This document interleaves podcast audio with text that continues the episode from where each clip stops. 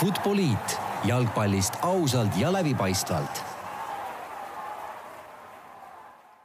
Nonii, tervitused taas kõigile Futboliidi sõpradele, peaks olema järjekorras meie kolmekümne neljas äh, jalgpallisaade. Äh, ikka jälle Delfi taskueetris oleme, kahekesi täna stuudios, mina Raul Õessar ja teise mikrofoni taga Joel Indermitte. tere, tere, spordisõbrad! värske, värske Tallinna meister korvpallis siis äh, ei saa mainimata jätta selline, selliste kuulsate meeste nagu Maik-Kalev Kotsar ja Madis Soodla kõrval siis selline tiitel tuli. Joel, räägi kõigepealt äh, sellest võib-olla, et kuidas sa sinna sellesse võistkonda sattusid äh, ja korvpalliplatsile üldse?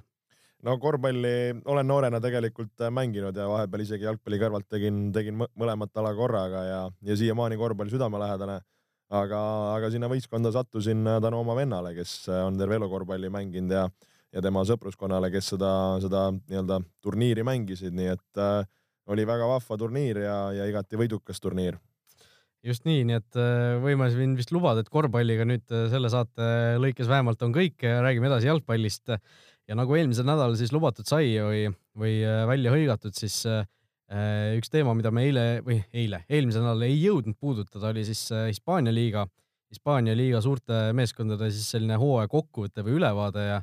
ja, ja vaade ka siis natukene põgusalt tulevikku, ehk siis räägime täna äh, saate esimeses pooles Hispaania kolmest suurest meeskonnast, äh, Barcelonast, Atleticost ja Realist. Ja seejärel äh, saate teises pooles äh, üritame siis kokku võtta natukene seda, mis siin suvel võib üleminekuturul saama hakata. nii et läheme kohe siit esimesena Barcelona juurde, Hispaania liiga võitja. Siis sel hooajal, aga noh, see hooaeg oli nende jaoks tegelikult selline natukene noh, noh, see pole veel lõppenud, karikafinaal ootab veel ees muidugi aga oli tegelikult selline natukene vastuoluline, et Hispaania liiga tiitel tuli noh, sellise suhteliselt äh, noh, nadi hooaja alguse järel, noh, seal kõik ju, kõik suured komisjonid seal hooaja alguses kordamööda äh, tuli, tuli lõpuks suhteliselt kindlalt üheteist punktiga Atletico ees, aga, aga noh, see meistrite liiga poolfinaali kaotus Liverpoolile null-neli võõrsil pärast seda, kui olid kolm-null kodus võitnud, no see, see oli ikka, noh, jättis kogu hooajale selge pitseri. no kohe kindlasti, et äh, nagu me oleme siin varem meistrite liiga äh, teemadega rääkinud, siis äh, need klubid äh, mängivad suurte poiste karika peale, milleks on, on meistrite liiga, nii et, äh, et eelkõige muidugi Hispaanias on alati ka auasi see, see kodune liiga ära võtta ja, ja see kunagi ei ole lihtsalt teinud, et siin Barcelona viimasel ajal on neid päris palju juba, juba kogunud, et, et selle üle tuleb neid kiita, nagu sa ütlesid, hooaja algus veidike nagu robeline, aga, aga kui seal Real kukkus juba, juba päris varakult ära, siis tegelikult Atletico, kellest ka hiljem natukene räägime, püsis päris kaua sabas, aga, aga siis üks hetk äh, murdis, murdis Barcelona oma, oma edu sisse ja, ja sealt äh, väga enam jalga väristama ei hakatud. Just, et kui selle tabeli peale natukene otsa vaadata, siis noh, selgelt Barcelona Atleticost, noh, kui kasvõi väravate vahet vaadata, Barcelona siis löödi üheksakümmend väravat, endal lasti kolmkümmend kuus, Atleticul näitajad viiskümmend viis ja kakskümmend üheksa, ehk siis Atleticul kaitse tegelikult äh, natukene parem, aga no rünnakul Barcelona ikkagi selgelt äh, Atleticost võimsam oli ja lõpuks äh, ei ole see kellegi ime, et tiitel Barcelona läks väravate vahel pluss viiskümmend neli, Atleticul pluss kakskümmend kuus, et et noh, kui lihtsalt numbritele peale vaadata, siis sealt juba tuleb päris suur vahe sisse. ja tõepoolest, et see nii-öelda numbrite maailm räägib tõesti nende kasuks, et kui vaadata neid nii-öelda mänge, siis ka Barcelona Atletico vahel Äh, kodus ja võõrsil, siis tegelikult äh, Barca ja Atletico kodus mängisid nii-öelda identselt ehk äh, viisteist võitu, kolm viiki, üks kaotus. aga eelkõige just Barcelona suutis selle siis edu sisse kasvatada võõrsil mängude puhul, kus võideti üksteist korda, viiki mängiti kuuel korral ja kaks kaotust, aga Atletico selle vastu seitse võitu, seitse viiki, viis kaotust ehk seal, seal ilmselgelt läksid neil asjad, asjad nihu. aga kui veel rääkida numbritest, siis äh, me mõtleme, kui me mõtleme selle peale, kuidas võita ühte, ühte meistritiitlit, siis äh, selleks on vaja, et sul oleks taga kaitsesed korras, aga sul on vaja, et sul oleks äh, eesründajad või mehed, kes kõmmutaks korralikult väravaid. et, et sul oleks selline mees, kelle poole saad sa vaadata ja, ja kes lööb sõna otseses mõttes need äh, väravõrgud puruks. et selleks äh, sellel aastal Barcelona puhul oli, olid ikka kaks meest täiesti omast maailmast. Äh, Lionel Messi kolmkümmend kuus väravat, kolmkümmend kuus, see on, see on rets number, see on väga rets number ja, ja lisaks teda toetas siis Luis Suarez kahekümne ühe väravaga, et see, see nende kahe mehe koostöö oli ikka väga-väga surmav ja, ja see oli see, mis, mis neid lõpuks ka, ka sinna tiitli poole viis. ja kui me lõigame kokku kolmkümmend kuus pluss kakskümmend üks, viiskümmend seitse, siis seda on juba kahe võrra rohkem, kui Atletico kogu meeskonna peale kokku sai. see on jah, täiesti, täiesti müstika, et tegelikult äh, kõik arvasid, et hakkab Messi võib-olla seal natukene jalga sirgeks laskma, aga, aga mees näitas täiesti vastupidist ja, ja, ja kõmmutas äh, niimoodi nagu, nagu, nagu muiste, et äh, et noh, see on see, mis, mis sind lõpuks tiitlile toob ja, ja teame, Barcelonal seal kaitses on ka asjad äh, üpriski korras, et kui sul lüüakse nii palju väravaid, siis on raske, raske kaotada ja raske mitte tiitlit võita. Jah, no kui Messi puhul ju pikka, pikki aastaid oli see kriitika see, et ahah, et noh, Argentiina koondises ta nii, nii hästi ei mängi, et järelikult ta suudab ainult siis mängida, kui on seal Xavi ja Iniesta, kes talle neid passe ette annavad, siis noh, see, see hooaeg oli nagu ehtne tõestus, et tegelikult asjad ikka päris nii vist ei ole, et, et äh, suudab mees ka täiesti noh, mitte ihuüksi muidugi, aga noh, piltlikult öeldes äh, seal äh, üksi selle meeskonna endale selja, selga võtta ja, ja seda tassida, et, et tõesti Messi puhul fantastiline hooaeg, ei ole midagi öelda Hispaania liigas, noh, nagu sa ütlesid, kolmkümmend kuus väravat täiesti müstika on see, see arv, aga, aga noh, kui noh, eriti kui vaadata, palju need järgmised lõid, et Karim Benzema ja Luis Suarez olidki siis kaks järgmist meest, kes temale seal äh, kas see on Kamperi trofee, Joan Kamperi trofee, mis see väravalööjatele antakse seal Hispaanias, et seal oli siis viisteist väravat tõesti Messi edumaa, et see, sellist asja nagu äh, ei näe isegi Eesti liigas siin kuskil, et kus üks mees nagu nii, nii kõvasti kõmmutab, et et see on tõesti äh, vägev, aga noh, Barcelona puhul, äh, nagu sa juba mainisid, äh, meistrite liiga need küsimärgid on ikkagi õhus, mis seal, mis seal toimub kolm aastat järjest on, on seal ikkagi mingil, mingis faasis põrutud selgelt, joostud lati alt läbi. Ernesto Valverde töökoht, noh, tundub pigem, et ei ole ohus no pigem küll, et äh, praegu ka, mis, mis siin Hispaania meediast äh, läbi käis, siis äh, Barcelona, ütleme, kontori pool ja, ja presidendid seal avaldavad, avaldavad meedias mehele toetust ja, ja ütlevad, et meie oleme tema selja taga, et siis äh,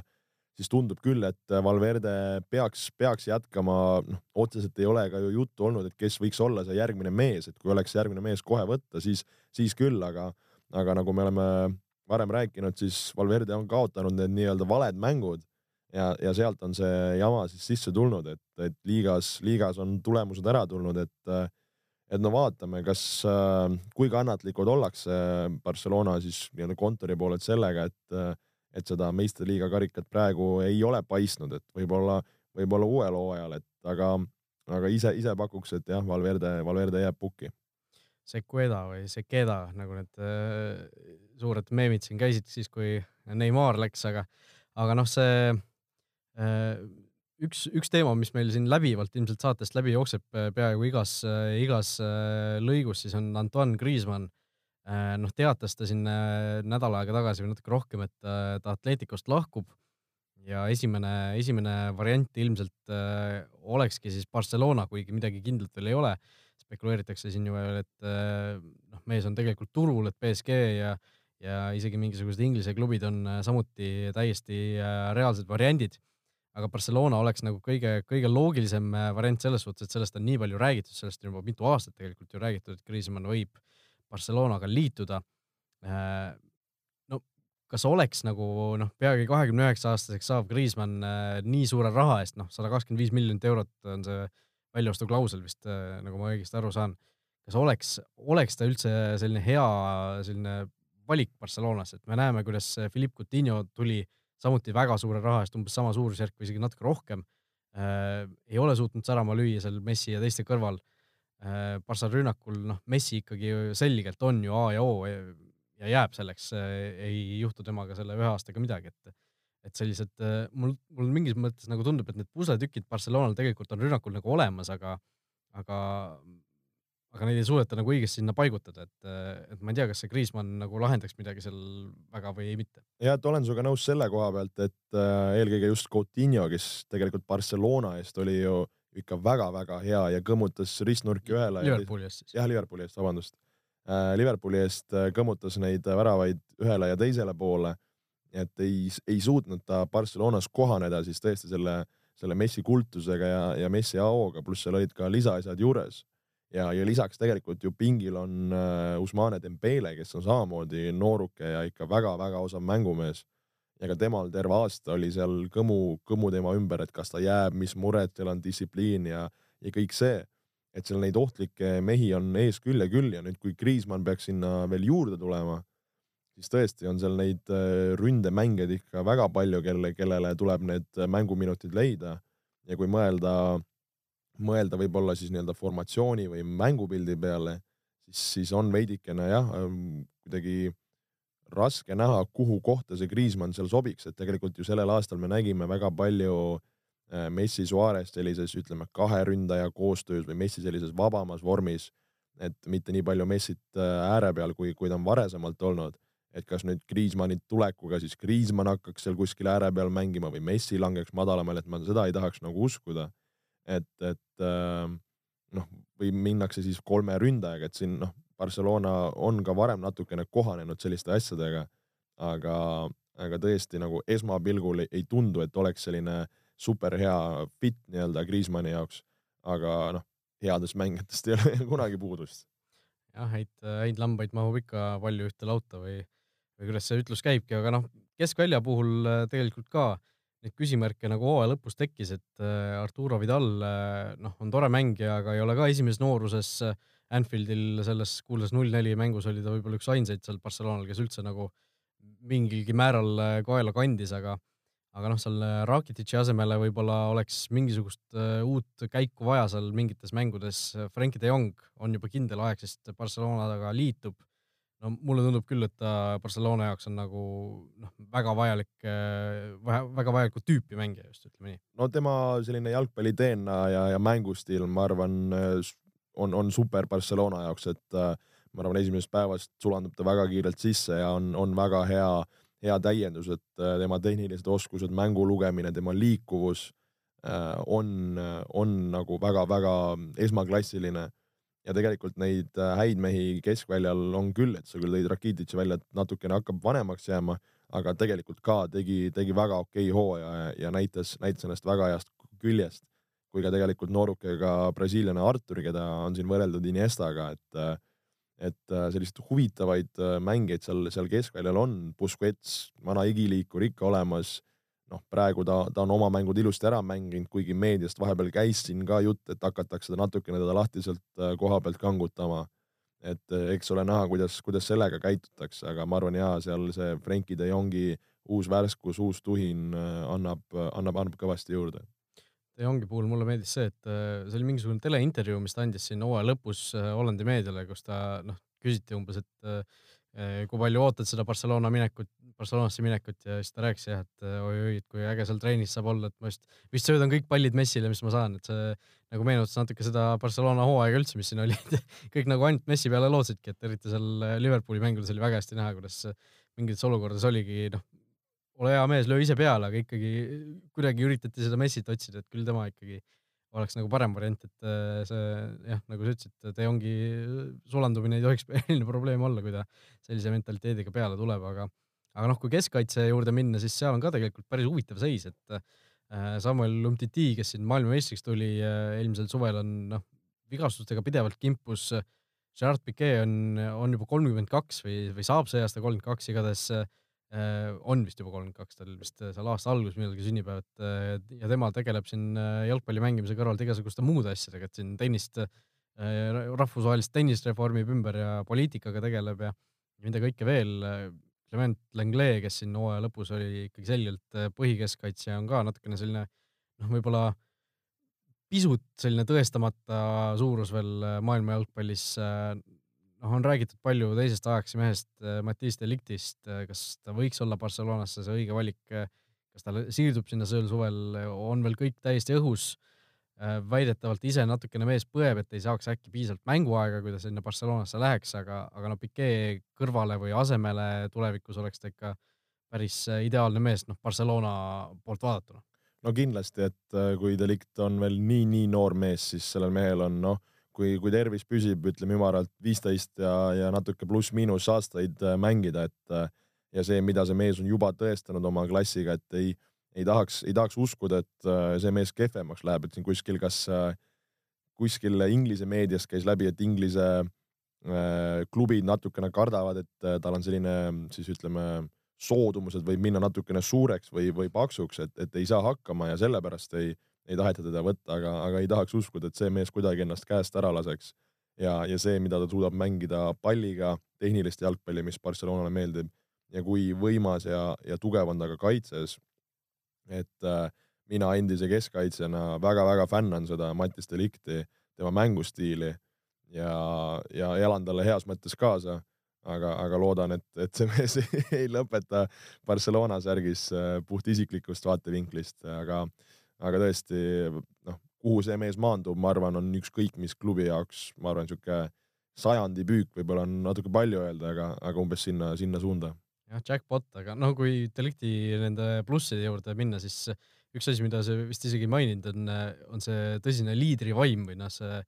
liidri omadused on tal ikka meeletud selle, noh, eriti selle vanuse kohta, et see on täiesti uskumatu, et ta juba kaks aastat tagasi oli Euroopa liiga finaalis ajaks. ja, ja kes sotsiaalmeediat näinud on, otsige üles äh, Mattias Delikti kõne siis ajaksi fännidele pärast tiitlitähistust, et äh, isegi enda kodus tõmbas väikse kananaha ihule, et äh, et tõesti see liidri omadus nii noorena mehena on väga-väga kõva. just ja no kui Barcelona puhul üldiselt veel mõelda sellest, et kuidas neil see selline põlvkondade vahetus või noh, kui Reali puhul me ju nägime sel hooajal selgelt äh, oli selline suur ärakukkumine pärast seda, kui äh, siin Ronaldo läks, läks Zidane ja, ja noh, selline äh, natuke nihe tekkis nagu kahe, kahe sellise generatsiooni vahel just nagu Reali, Reali meeskondade mõttes, siis, siis Barcelonal noh, natuke on see ikkagi selgelt paremini õnnestunud, see põlvkondade vahetus, et kui me mõtleme siin, et alles mõned aastad tagasi olid siin Iniestad ja Xavid mängisid äh, Barcelonas, siis noh, neid mehi nagu liiga palju isegi ei igatseta praegu võib-olla veel, et äh, on see nagu suhteliselt äh, ühtlaselt toimunud, aga, aga noh, kui siin mõelda selle peale, et Busquets, Piquet, Alba, Messi, Suarez, kõik on seal noh, ikka suhteliselt sellises, sellises eas, kus neil võib-olla parimad mängiaastad hakkavad vaikselt selja taha jääma, siis, siis mingil hetkel võib ikkagi see päris korralik langus tulla või mis no see võib olla õhus, aga mis Barcelona puhul äh, on positiivne, on see, et nad on kogu aeg iga aasta toonud üks-kaks mängijat juurde ja värskendanud ja, ja oma seda tagalat kindlustanud.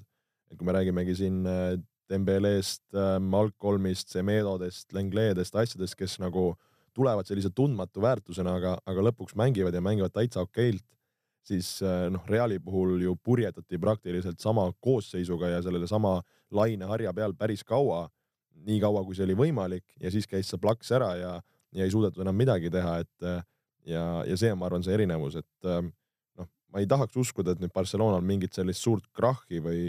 või sellist äh, paanikat peaks tekkima. jah, et äh, tundub, et Barcelona selline noh, on nagu jätkusuutlikum see kogu poliitika kui, kui Realil ja teistel siin Hispaania klubidel, aga, aga no tundub, et äh, noh, nii halb, kui seda tunnistada ei oleks, siis noortetöö ja kõik see töötab nagu päris hästi seal klubis no see on alati töötanud, et oleme, oleme ausad. aga lähme edasi Barcelona juurest. Äh, Hispaania selle aasta noh, hõbemedalistide juurde, ma ei tea, kas medaleid vist ei jagata tegelikult sellisel, sellisel kujul, aga aga noh, ütleme teise koha, teise koha meeskond siis äh, Madridi Atletico, Atletico Madrid, äh, seitsekümmend kuus punkti nad siis teenisid sel hooajal, nagu siin juba natuke ka mainisime, väravate löömisega olid, olid siin võrreldes teiste tipptiimidega pisut hädas, aga kaitses seevastu Jan Oblak järjekordselt äh, kõige rohkem nullimänge teinud väravavaht ja, ja vaid kakskümmend üheksa väravat siis endale lasti kolmekümne kaheksa mänguga, et et kaitses on see meeskond jätkuvalt kõva, aga noh, sel suvel see, mis Atleticost saab äh, või mis Atletico ka saab, on ikkagi päris, päris huvitav. on päris huvitav, et äh, ma korra mainiks veel seda, seda kaitse asja, et äh, see võistkond oma hingestatuse ja, ja kaitsemänguga on olnud äh, juba, juba aastaid nii-öelda esirinnas, et äh, et see, et nad seda suutsid jällegi teha, on, on, on väga positiivne. aga, aga tõepoolest, mis saab Atleticos siin, siin suvel, see, see on suur küsimärk. millised mängijad jäävad, paljud mängijad jäävad, kas suudetakse täiendada uute mängijatega, et siin neid tõesti neid lahtisi otsi on ikka, ikka väga palju jah, kui me räägime siin nimedest ka, siis Kriismanni juba mainisime, Kriismann teatas, et see on lahkumas, muideks päris huvitav huvitav selline olukord oli ka, mis tuli hiljem välja, et kui mäletame, eelmisel suvel tegi ta ju sellise dok, kas dokfilmi, doksarja, ma ise pole näinud seda, et kuidas ta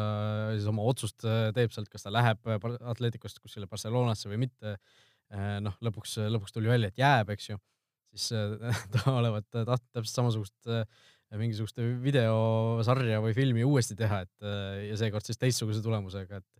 ja siis Atletico klubi oli öelnud, et meil on täiesti kõrini sellisest asjast, et lõpeta ära, et me ütleme ise välja, et sa, sa lähed ära, onju.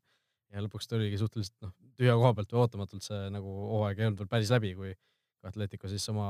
sotsiaalmeediasse postitas, et Kriismann on siis otsustanud nagu ära minna, kusjuures tal lepingut on veel klubiga tõesti kas hooaeg või kaks isegi alles, et et idee poolest ei ole, ei ole veel midagi päris kindlat, aga, aga noh, tundub ikkagi, et, et Kriismann ise on, on selle otsusega nagu rahu teinud ja noh, see äh, on, otsus on nagu täielikult ära tehtud ja klubi sellega leppinud äh,. Kriismann on lahkumas, Diego Godin, ka kaitseliini noh, suur äh, hingestatud liider, on samuti lahkumas, tema puhul saistatakse siis vist Milano Interist kõige tugevamalt praegu ja, ja üks, üks mees veel, kes tegelikult noh, siin hooaja teisel poolel on vigastusega eemal olnud, Lucas Hernandez, samuti Prantsusmaa koondisega maailmameistriks tulnud kaitsja, on ka siis äh, ära minemas Atleticost äh, Müncheni Bayerniga on tema siis liitumas ja lahkujaid võib siis olla veel, noh, Rodrigo on võib-olla üks mees, kelle, kelle võimalikust minekust on kõige tugevamalt räägitud, aga, aga neid äh, põhijõude, kes lähevad ära, on ikkagi päris, päris palju. nojah, et kui ikka nii paljude meeste kohal on neid küsimärke või, või lahkumisjutte, siis see on tõesti äh, väga murettekitav. Äh, oli natuke aega tagasi ka ju jutt, et äh, Diego Simone võib-olla on liikumas, aga nii palju, kui praegu meediasse on jõudnud, on äh, Simone väga jõuliselt ja tugevalt jätnud, jätnud siis nii-öelda infot, et tema jätkab igatahes ja hakkab seda asja nii-öelda uuesti üles ehitama. ja, ja, ja siin on tegelikult olnud ka selliseid väiksemaid nii-öelda uute täienduste jutte, kes, kes võib-olla Hispaania äh, Hispaania klubile oleksid, oleksid kasulikud, on äh, räägitud siin Hector Herrerast, äh, Portost äh, kui ka Felipest, et sellised väiksemad mängijad, kes võiksid natukene anda täiendust, aga ei ole ühtegi suurt nime praegu läbi käinud. Et tõepoolest Atletico kohal on väikesed murepilved, on siin ka Sauli pikalt taga aetud erinevad Inglise klubid, et, et see, millise koosseisuga Atletico sinna uuele hooajale peale hakkab minema, on, on ikka väga-väga selline hõre esmapilgul ja, ja tegelikult ka hõredaks jääb nende, nende ründeliin. kui, kui me rääkisime siin väravatest ja, ja kes mida teinud on, siis äh, Antoine Griezmann viisteist väravat sellel hooajal, tubli mees. järgmine mees kuue väravaga Alvaro Morata, kes tuli poole hooaja pealt ja ülejäänud mehed siis siin äh, Saul neli, Diego Godin kolm ja Diego Paharet Costa kaks väravat kõigest, küll oli mees äh, päris palju vigastatud, kuusteist mängu ta mängis, aga kui, kui su ründaja, põhiründaja lööb äh, praktiliselt kaks väravat, siis on ikka hapusti. ja kui me võtame Kriismanni väravad praegu siit ära, siis siin ei olegi mehi, kes sul praktiliselt väravaid lööks, okei okay,, Alvaro Moratast, noh, ma ütlen ausalt, ma ei, ma ei tea, mis masti mees see on, et äh, kõik loodavad ja ootavad kogu aeg, et ta lööma hakkaks, aga ta ei ole veel lööma hakanud, et kas ta on selline, sellist masti mees, kes oleks põhiründaja, võtaks selle vastutuse ja ja viiks oma võistkonna edasi. et, et seda ma isiklikult hetkel ei näe, et see mees võiks olla, aga me oleme ka varem näinud neid selliseid avanemisi, kus, kus mehed hakkavad lõpuks lööma, et äh, et tõepoolest Atletico kohal, nagu mainisin, on, on murepilved ja, ja hetkel on isegi raske, raske ennustada, mis, mis neist praegu saada võib. jah, no oleneb, kui palju nad äh, seda Kriismannist saadavat raha, kui see sada kakskümmend viis miljonit tõepoolest on, siis äh, kuhu nad selle, selle nagu asetavad või panustavad, et et põhimõtteliselt on võimalik selle raha eest ka päris äh, mitu sellist korraliku tasemega mängijat tuua. no Diego Simeone koha pealt äh, mulle nagu tundus, et äh, mingi hetk, et see, see praegune suvi oleks tema jaoks nagu päris hea koht, kus, kus nagu Atleticost lahkuda, et ta on juba kaheksa aastat seal olnud, kaks tuhat üksteist ta tuli tegelikult Atleticosse, ta on noh, on tulnud seal Hispaania meistriks Atletico, ta on kaks korda viinud selle klubi meistrite liiga finaali ehk noh, Simeone aktsiad tegelikult on nagu väga-väga kõrgel praegu. et mulle tundub lihtsalt, et see oleks nagu äh, tema jaoks äh, isiklikus plaanis oleks olnud selline äh, sobiv, sobiv hetk, kus, kus nagu selle klubiga hüvasti jätta, aga noh, Atletico õnneks ta ei ole seda teinud. ta kavatseb seal jätkata, leping peaks olema vist kaks tuhat kakskümmend üks või kakskümmend kaks isegi praegu äh, lõpptärminiga, et, äh, et see mees jääb, see on väga, väga tugev selline noh, kas garantii, aga ütleme noh, selline kindlustunne kindlasti seda siis nagu pakub Atletico fännidele, et selle klubiga nagu midagi hullu ei juhtu. ja noh, tõesti see väravalööjate teema, et noh, kui Morata on teisel kohal kuuega, siis tõesti, mis ilma Kriismannita saab, et see on päris, päris huvitav äh, küsimärk äh, Atletico kohal, aga noh, eks, eks näis, nagu kõigepealt öeldakse, et, et äh, mis, mis siis saab, aga noh, Atletico tõesti suhteliselt kindlalt siis lõppkokkuvõttes kaheksa punktiga suutis edestada kolmandal kohal olnud Real Madridi, kelle hooaeg oli ikka päris, päris selline noh, mitte hale naljakas, aga noh, selline tõeliselt kummaline selline tsirkusetendus, et kolm eri peatreenerit Joel, sina kui suur Reali sõber, äh, toetaja, kuidas hooaeg kokku võtta, täielik košmaar või mitte? Äh, üks sõna selleks on fiasko, täielik fiasko see hooaeg oli. noh, see, see, seda oli tunda, et selline asi võib juhtuda, et kui sa oled aastaid nautinud siis edu, kui me räägime meistrite liigast ja oled harjunud võitma, et tegelikult ju liigat ei, ei ole väga-väga domineeritud viimasel aastatel. Et, et kui sul on selline nagu ma ütlesin ka, ühed samad mehed, kes on seda, seda asja tassinud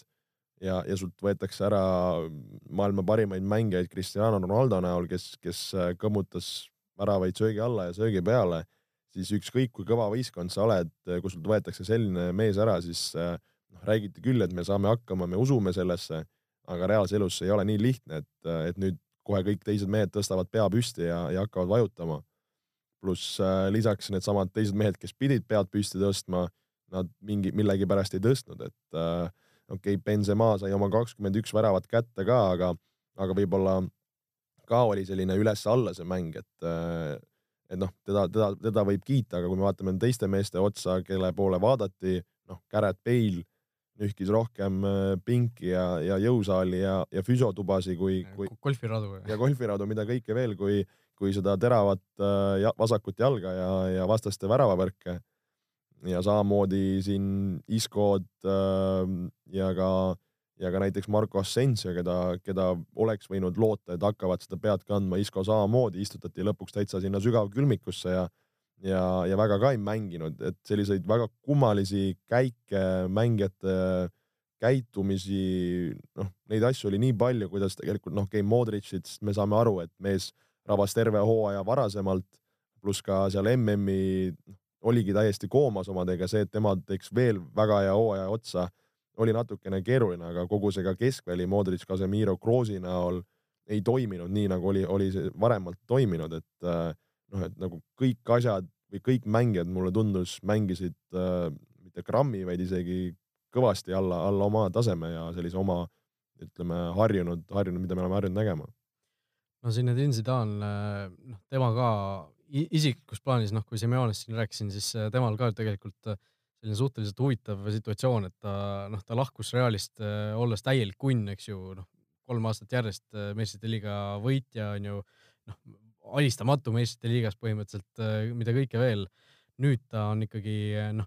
tuleb sellesama meeskonna juurde tagasi, aga noh, see meeskond ikka täiesti teises, teises olukorras, et ta peab ennast uues olukorras täiesti uuesti nagu tõestama, ta peab selle meeskonna uuesti üles ehitama, nagu ta on ise siin äh,, ise siin korduvalt välja öelnud, et, et päris suurt sellist äh, verevahetust on oodata ilmselt äh, sel hooajal. et äh, siin Marsa või Marka kirjutas, et äh, kuni neliteist mängijat on siis äh, lausa Realist lahkumas, noh, sinna on juurde arvatud ka muidugi need mehed, kes praegu kuskil laenul on, näiteks äh, James Rodriguez, Mateo Kovacic, Ödegord, kõik noh, kes on kuskil kuskil üle Euroopa laiali, aga noh, põhi, põhimeeskonna mängijatest Garrett Bale, Keylor Navas on räägitud, Lukas Vaskes ja mitmed, mitmed teised veel, et et see, noh, seda verevahetust on ilmselgelt vaja, et kui me rääkisime siin, noh, mainisid, mainisid ka korra seda, et Real nagu justkui võitis kõik, mis nad selle ühe seltskonnaga võita suutsid, eks ju, ja siis, ja siis tuli see nii-öelda ärakukkumine, et et võrrelda siis Barcelonaga, kes nagu järk-järgult seda asja muudab, et mulle tundub, et noh, viimaste, viimaste aastate lõikes Real selles suhtes tõmbas tegelikult pikema kõrre selle oma strateegiaga, et meistrite liiga, mis noh, on ikkagi sellist masti klubide puhul see mõõdupuu, seal nad olid ikka täiesti fenomenaalsed. ja selle vastu ei saa keegi vaielda ega neid karikaid äh, neilt ära võtta, et äh, et tõepoolest need kolm, kolm äh, ilusat trofeed on Bernabeol olemas. mida veel võib-olla Reali puhult äh, välja tuua, on ka see, et sellised just kui me räägime sellest treenerite vahetusest, et, et äh, okei okay,, Lopetugui ei saanud seal oma asja kõige paremini käima. noh, loodeti, et äkki Solari tuleb alguses äh, alguses ka nagu tõi veidikene positiivsust, aga siis see läks asi käest ära ka. et äh, ei leitud sellist head stabiilsust ja tegelikult ka ju äh, hiljem ka Zidane'iga, noh, eks ole, noh, seda me ei tea, mida Zidane seal, kas ta vaataski, kellega edasi minna, kuidas edasi minna, aga, aga suures pildis nii-öelda ma arvan, see mängijate selline emotsionaalne pool oli selline päris korralik äh, tohuvapohu ja, ja mõnes mõttes bardakk ja, ja kui sul asjad ei, ei toimigi, siis seda, seda ei ole kerge nipsust kohe ümber lülitada ja loodad, et hakkavad nüüd uue treeneriga kohe toimima, et see, see võtab aega ja nagu sa tõid välja ka, siin suure tõenäosusega suur puhastus on ja, ja Zidane saab hakata seda, seda asja oma, oma nägu vormima ja, ja loodetavasti ka, ka edukalt. no mis liinides oleks siis eelkõige neid äh, täiendusi vaja? Äh, räägitud on igasugustest nimedest praegu siin äh, kogu viimase poole aasta jooksul kõikvõimalikud ässad on läbi käinud alates siin Paul Pogbadest Eden Hazardideni välja, mõned on siin tõenäolisemad, mõned mitte, need üleminekud, aga noh, kuhu eelkõige oleks neid täiendusi vaja? no ma olen nalja teinud siin omakeskis teiste, teiste sõpradega, et tegelikult äh, Real Madrid ongi viimased pool aastat tegelenud äh, raha kogumisega, mitte mitte jalgpalli mängimisega, et iga, iga mängija siin annetab natukene oma palgast äh, sinna transfer äh, budget'isse ja, ja siis hakatakse häid mängijaid ostma, aga, aga kui nüüd natuke tõsisemalt rääkida, siis, siis usutavasti isiklikult loodan ja, ja olen üsna kindel, et äh, Eden Hazard on tulemas ja oleks väga vajalik mees, eriti just seda ründeteravust hoidma või selliseks võtmemängijaks, kelle poole vaadata ja, ja, ja miks mitte ka keskväljale natukene sellist värskust või, või mitmekülgsust, äh, kuna see keskväli noh, on päris kaua nii-öelda mänginud samade meestega ja, ja, ja võib-olla Ceballos, Llorente, kes sealt on noored mehed tulnud, et nad ei ole veel valmis mängima sellist tipp-tipp-taset, et nad on tublid mehed ja kindlasti tulevikumehed. aga, aga praeguses äh, olukorras, noh, vahepeal, mis koosseisudega mängiti, see oli praktiliselt äh, duubelvõistkond, mis seal, mis seal väljakul oli, mitte äh, Euroopa üks suurimaid klubisid. just, et noh, juba on kindel tegelikult Porto keskkaitsja Eider Militao liitumine, et äh, keskkaitsesse vähemalt üks mees korraliku tasemega poiss juurde tuleb. noh, Hazard on ikkagi selgelt, tundub number üks prioriteet praegu ja ründesse tegelikult Benzema võib-olla selliseks mantlipärijaks Luka Jovic ei ole ka, ei oleks ka sugugi halb variant äh, Frankfurti Eintrachtis siis. aga äh, läheme võib-olla edasi siis äh, meie teise suure teema juurde äh,. et äh, siin üleminekutest oleme iga, iga klubi puhul natuke juba rääkinud ja mõtlesimegi siis äh, natukene äh, selle asja kuidagi kokku võtta ja, ja mõtlesime siis panna kokku sellise top kümne kõige magusamatest meestest, kes äh,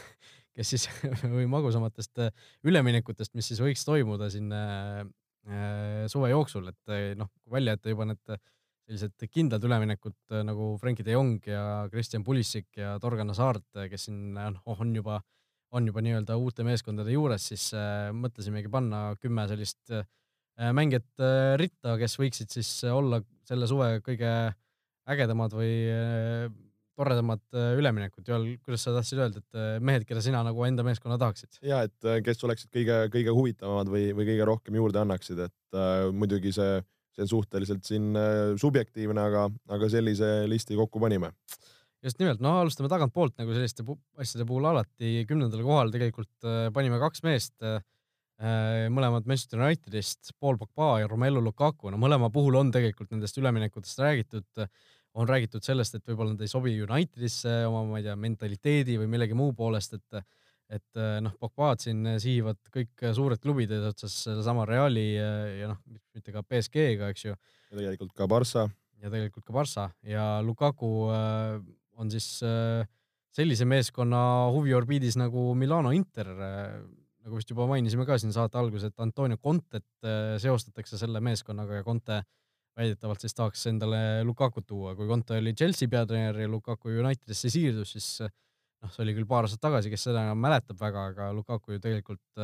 noh, oli seal vahe, valida kahe klubi vahel, United või Chelsea ja, ja lõpuks ikkagi ta siis Unitedisse läks, aga Chelsea eesotsas Contega oli ka temast väga huvitatud, et et Pogba ja Lukaku siis kaks Unitedi meest selline kümnendal real on. mida öelda? No me panime omavahel siin vaieldes nad nii taha, kuna see ei, ei tundu esmapilgul nüüd nii kindlad üleminekud, et okei okay,, Pogba'd on siin räägitud juba mitu aastat, aga kui, kui United tahab keerata uut lehekülge, uut edukat lehekülge, siis äh, isiklikus plaanis äh, ei näe, et Pogba mahamüümine kuidagi aitaks nende, nende edule kaasa, et seal tuleb lihtsalt, ma arvan, Pogba'l ise asjad selgeks mõelda ja võib-olla klubi poolt ka asjad paika panna, et mees keskenduks mängimisele ja, ja näitaks oma parimat külge, mida ta tegelikult episoodiliselt ju vahepeal äh, näitas küll. ja, ja Lukaku puhul noh, tema, tema hooaeg on olnud päris äh, krobeline ja üles-alla, aga tegemist on, on väga hea ründajaga, et kas seal on probleemid enesekindlusega või, või selle mängujoonisega, et, äh, et ka tõepoolest on ju ka hea mängija, et, et nendest nagu liiga kergekäeliselt loobuda, noh, see on juba seal Unitedi meeste pärusmaa ja mõelda, aga, aga, aga ei tunduks mulle, et võib-olla oleks kõige kõige mõistlikum, sina, Raul, rohkem kui Unitedi fänn, kuidas, kuidas sulle tundub? no ma olen ka natuke nagu äh, kahe, kahe poole vahel, et äh, see Pogba, noh, ta on nagu, äh, mulle tundub ka, et ta ei ole nagu päris õige selline õige mentaliteet või õige selline iseloom selle praeguse Unitedi jaoks, et et äh, vahepeal nagu tundub, et ta, ta peab ennast äh, suuremaks kui see kogu meeskond üldse ülejäänud kokku, et ta on natuke sihuke ülbe seal platsil, noh, Lukaku puhul noh, palju on räägitud sellest, et äh, seal Belgia koondisega MM-il mängi, mängimiseks tegid endale väga suured lihased ja pärast ei saanud lahti sellest, sellest suurest kehast, et nagu Unitedi eest paremini mängida, no ma ei tea, noh. Lukaku tegelikult ju kaks hooaega tagasi oli väga korralik, väga korralikul tasemel ründaja, et noh, selline suhteliselt mõnes mõttes tänapäevane, mõnes mõttes selline natukene võib-olla kümne aasta tagune tüüp siis oma ründaja, ründetüüp, tüübilt, aga, aga noh, see mõnes mõttes oleks nendest nagu kahju, samas eh, kui ma peaks ühe, ühe neist kahest valima, kes jääks, siis ilmselt oleks see Pogba, sest ikkagi noh, sellise klassiga keskvälja meest, noh, sa ei, sa ei saa nipsust asendada, eks ju, et, et Lukaku suguseid eh, ründajaid on küll vähem või noh, vähe, aga neid ikkagi mingil määral lei-, leidub ja noh, neid võimalikke asendusi ikkagi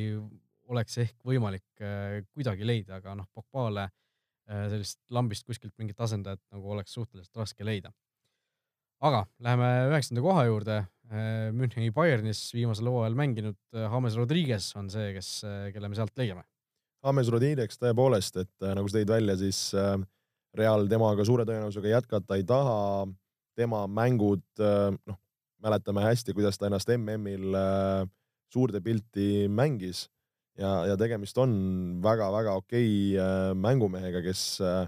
kellel on väga-väga hea löök, ta on suuteline mängu väga korralikult tegema, on küll tema sellised ähm, viimased hooajad võib-olla ei ole olnud kõige säravamad nii sellel hooajal kui eelmisel hooajal kõigest seitse väravat, aga, aga ma arvan, ka suhteliselt noore mehena, noh, noor kahekümne seitsme aastane, kuidas kellelegi, aga, aga tal on, mida, mida juurde anda ja, ja kui juba sellisesse õigesse rolli, õigesse keskkonda teda saada, siis ta võib olla väga-väga hea täiendus ja, ja lisakäik selle võistkonna jaoks. Just, et noh, tundub ka, et ta on selline pisut ebastabiilne mängumees, aga noh, kui, kui tal ikka hoog sees on, siis tal on ikka hoog tõsiselt sees, et äh, need tõusud ja langused on nagu sellise suurema amplituudiga kui mõnel teisel mehel et aga noh, kindlasti oleks ta tegelikult äh, päris huvitav mängija ükskõik millise meeskonna jaoks, aga noh, kuhu ta võiks minna? no ise usun, et võib, äh, võib võib-olla mõned Inglismaa hiiud siin rahaga teda taha, taga ajada. Et Prantsusmaal ju mehel on Monaco eest mängitud, Hispaanias Reali eest mängitud, et, et äkki oleks tõenäoline sinna või, või kuskile Itaaliasse et.... mulle just see Itaalia tundub nagu millegipärast äh, selline kõige nagu loogilisem variant tema jaoks, et nagu ma näeks teda nagu Itaalias mängimas millegipärast, Inglismaal mitte nii väga. ja olen nõus, et seal miks mitte võib-olla Juventus vaadata veel enda, enda võimu kinnitada ja sellist sügavust võistkonda tuua. Kuid, kuid kindlasti on ka, ka muid äh, Itaalia hiide, kes, kes teda hästi saaks ära kasutada. Just, aga läheme edasi kaheksanda koha juurde, sealt leiame ka kahekümne seitsme aastase mängija, tegelikult äh, sama vana mees, Kristjan Eriksen, Tottenham Hotspuri poolkaitsja, noh, võib-olla ka ei ole, ei ole ta nii kõrgel, kui ta ehk äh, võiks olla siin nimekirjas, aga just seetõttu, et võib-olla see tema üleminek ei ole niivõrd kindel kui, kui mõne teist, mõne teise mehe puhul. Aga noh, Eriksen, Erikseni seostest siin Real Madridiga on ka juba räägitud päris, päris pikalt juba ehk ka mitu aastat, et kuskil ma nägin mingisugust pealkirja, et äh, on juba tead isiklikud äh, need äh, lepingutingimused kokku leppinud Realiga, aga noh, see oli selline mingisugune sopaleht tundus, et, et ei saa väga tõsiselt võtta, aga noh, ma ei teagi, mis see tõenäosus võiks olla, et see meistrite liiga finaal on tema viimane mäng Tottenhami särgis no ma arvan, tema puhul noh, iga mängija tahab mängida suurte klubide eest ja, ja võidelda tiitlite puhul, et kui, kui ta näeb jälle, et,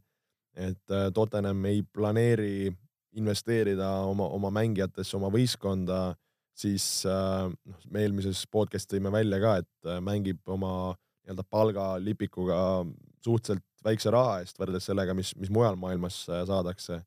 siis lõpuks sul on vaja ka oma karjääri kindlustada, oma elu kindlustada ja kui sa lähed Reali, kus saad kaks korda rohkem, mängid suuremas klubis, siis ei saa mehele seda pahaks panna.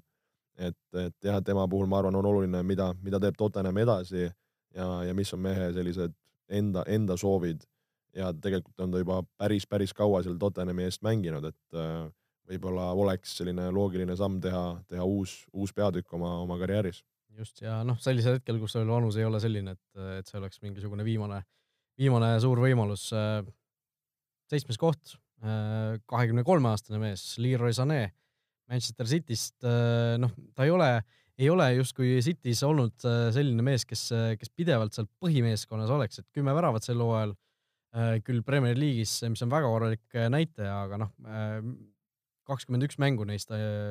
kolmekümne kaheksast potentsiaalsest tegi ainult põhikoosseisus kaasa, et et temas oleks justkui sisu, sisu rohkemaks, kui, kui ta praegu nagu mänguaega ja kõike muud saab olen sinuga nõus, et äh, tegelikult ju esimesel hooajal, millal äh, City meistriks tuli, oli Sané ju täielik põhimees ja, ja väga-väga terav väga,, väga-väga ebameeldiv seal ääre peal. et minu jaoks oli, oli suur üllatus, et see aasta ta sai nii vähe mängida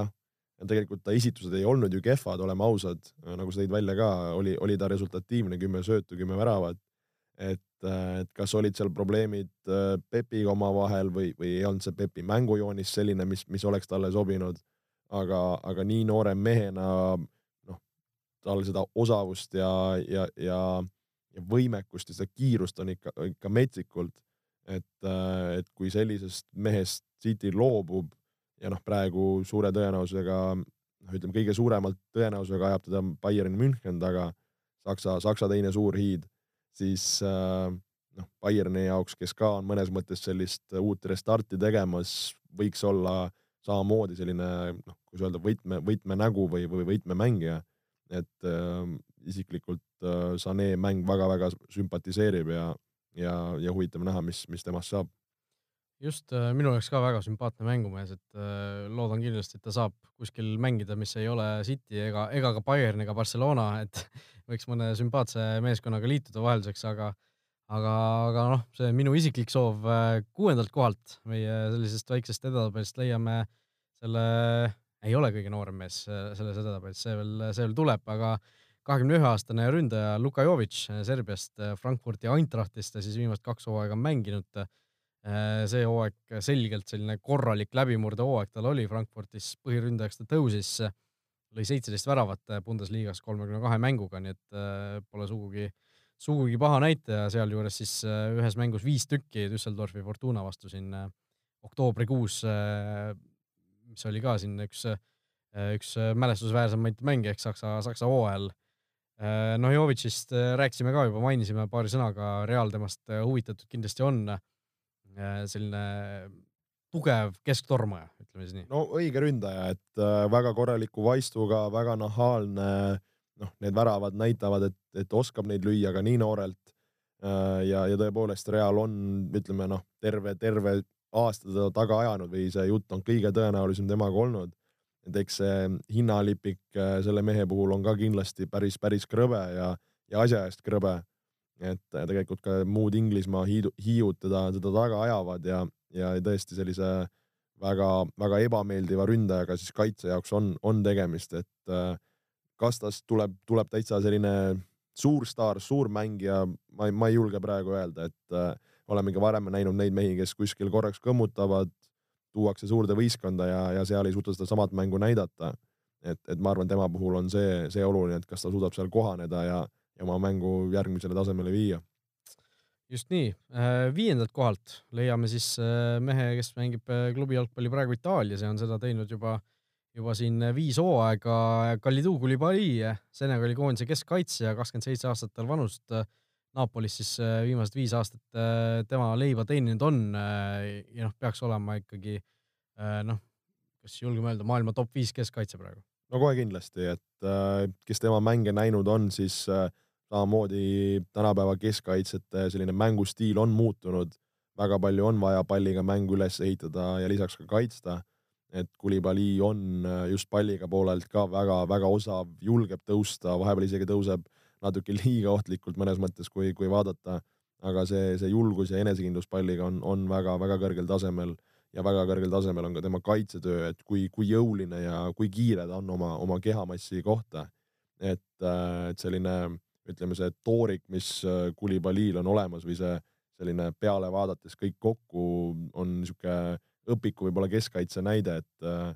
et noh, tema puhul ka ma olen ju räägitud äh, siin Manchester Unitedist väga pikalt ja ja, ja, ja noh, noh, ütleme, ma arvan, kogu, kogu Euroopa tahab teda endale, et nüüd ongi küsimus, et kes sellele Napolile kõige suurema kilekoti pataka viib koos, koos rahaga, et, et kes ta ära napsab no mina Unitedi fännina kindlasti tahaks seda Unitedis näha, et äh, oleks sellist äh,, selliseid äh, kindlaid mehi ka vahelduseks äh, sinna kaitseliini vaja, et, äh, et oma sellise võimsuse ja tõesti äh, vägevate äh, igasuguste kehaliste omadustega, kui Pali oleks ikkagi noh, minu jaoks äh, üks väga-väga hea variant, aga, aga läheme edasi, äh, et mitte seda asja liiga venima jätta. Neljandalt kohalt leiame siis sellise mehe, kellest samuti täna juttu on olnud, Garrett Bale. Realis noh, ta on löönud, ma ei tea, kõige ilusama Copa del Rey finaali värava üldse, kõige ilusama meistrite liiga finaali värava üldse, aga ometi Reali fännid ei ei ole teda üldse omaks võtnud, äh, sisuliselt vilistatakse välja see mees. Äh, noh, tõesti nagu naljakas olukord, et ühest küljest sa oled nagu äh, teinud ikka väga-väga kõva, väga kõvad aastad, samas kogu aeg on nagu midagi puudu olnud, et ei ole nagu tõusnud sellest noh, uueks Ronaldoks või kellekski, mida talt siit kasvõi sel hooajal oodati isiklikult see hetk, kui Bale sinna läks, siis see, millises hoos see mees oli, kui võimas ta oli Äh, lihtsalt võttis mängijaid ette, lõi seal kahekümne, kolmekümne meetri pealt iluväravaid, et äh, oli ikka maailma konkreetselt, ma arvan, top viis mängija. ja, ja see, mis ta Realis äh, näitas, noh, episoodiliselt ta oli seesama, sama tippmängija, aga need vigastused, mis, mis tal väga tihti kahjuks olid juures ja, ja kogu see muu krempel seal siis kas nende fännidega või selle võistkonnaga või treeneritega, et mingid asjad sellele mehele ei klappinud, aga, aga see on ka tippjalgpalli üks osa, et et, et sa oleksid edukas ja sul läheks hästi, seal on nii palju muid faktoreid, mitte lihtsalt sellest, kas sa oled hea jalgpallur või mitte. Et, et ei tõesti ei, ei suutnud Bale ennast võib-olla nii maksma panna, et, et selle üle isiklikult on kahju. ja, ja minu jaoks ongi huvitav näha, et kuhu see mees maandub ja kas ta suudab taastada selle, selle nii-öelda vana Garrett Bale'i hiilguse ja sellise domineerimise, mida, mida ta on meile näidanud, et, et tema puhul ka neid kosilasi, ma arvan, jagub küllaga jah, no lepingut on tal kahe tuhande kahekümne teise aasta lõpuni, et äh, noh, sisuliselt, äh, mis on siis kolm hooaega veel, et, et Realil äh, ikkagi noh, nad tahavad selgelt Bale'ist lahti saada. samas nad teavad, et seda raha peavad nad ise ikka päris, päris palju maksma, kui, kui tõesti noh, nad tahavad päriselt tast lahti saada, et Bale on ise küll öelnud, et noh, tema on valmis nagu siin hooaja või kaks põhimõtteliselt golfi mängima ja ootame, et et kui keegi, keegi on nõus äh, teda sealt välja ostma, siis, äh, siis kuskile mängima minema, aga noh,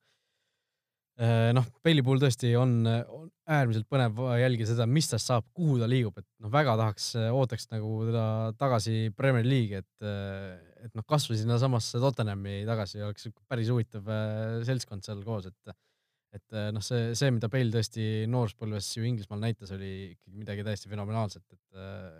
noh, ja noh olekski, kui liituks mingisuguse Tottenhami suguse klubiga, siis oleks noh, kõik need narratiivid, tuled koju tagasi, noh, fännid võtaks kindlasti teda hästi vastu seal ja, ja mida kõike veel, et äh, oleks nagu tore lugu lihtsalt. kohe kindlasti. aga läheme top kolme juurde äh, siit leiame siis meie listi kõige noorema mehe, üheksateistaastase keskkaitsja Mattias Delikti äh, ajaksi äh, meistrite liiga poolfinaali äh, ta aitas ja kaptenina ja, ja lõpuks tundub vägisi, et, et ka tema siis sel hooajal kuskile ära, ära ostetakse väga suure raha eest, et noh, ma julgeks öelda, et sellist nii-öelda, sellise potentsiaaliga mängijat nii, nii noores eas ei ole nagu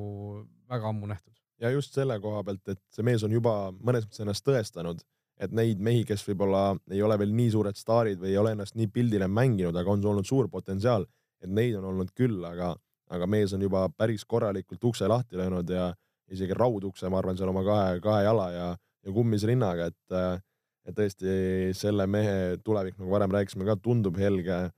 noh, tema puhul, kui me rääkisime siin ennem Barcelona huvist, samamoodi on mõlemad Manchesteri klubid olnud huvitatud, on räägitud Juventusest, et, et jälle, kuhu see mees maandub, hetkel raske öelda ja, ja eks seda, seda näitab ka aeg, nagu me oleme siin rääkinud, et me võime siin praegu igasuguseid pakkumisi ja, ja arvamusi teha, aga, aga selles maailmas teame ka, kas läheb äh, faksimasin äh, katki või, või ei saada äh, hoiupõrsast õigel ajal lahti muugitud, et neid, neid asju võib, võib juhtuda no Delikt ja Kulibali kahekesi seal Unitedi keskkaitses on minu järgmise hooaja unistus, aga noh, vägisi tundub, et päris nii äh, minema ei hakka. no Delikti kohta mulle meeldis see pilt kuskil, mis oli, et äh, Ajaxi klubi on sunnitud äh, tema lühikestesse pükstesse mingisugused sälgud sisse lõikama, sest reielihas ei mahu muidu ära, et et sellise mehega on siis tegemist ja noh, ei väsi kordamast, et ta on ainult üheksateist aastane, et sealt isegi kui ta jääb sellisele levelile, mis ta praegu on, on ta ikka väga kõva mängija. aga noh, esimesed kaks meest on äh, mõlemad äh, noh, mõnes mõttes nagu sama tüüpi äh,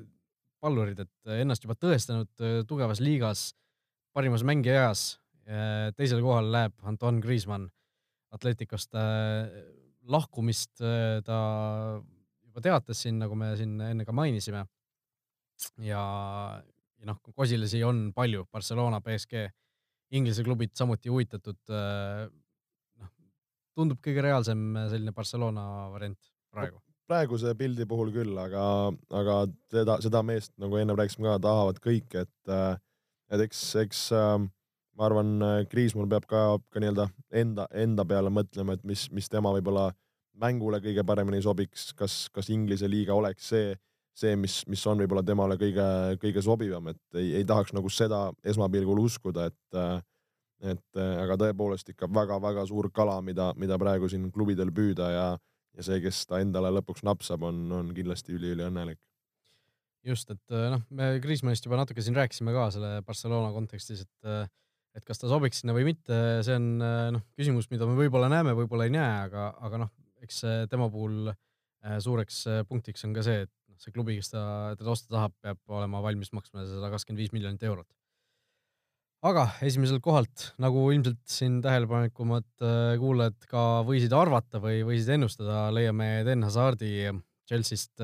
Reali üleminek praegu tundub ikkagi väga aktuaalne olevat, et et noh, Realil on sellist meest vaja, nagu me ütlesime, kelle poole vaadata, kelle poole noh, raskel hetkel need kõik söödud lähevad, et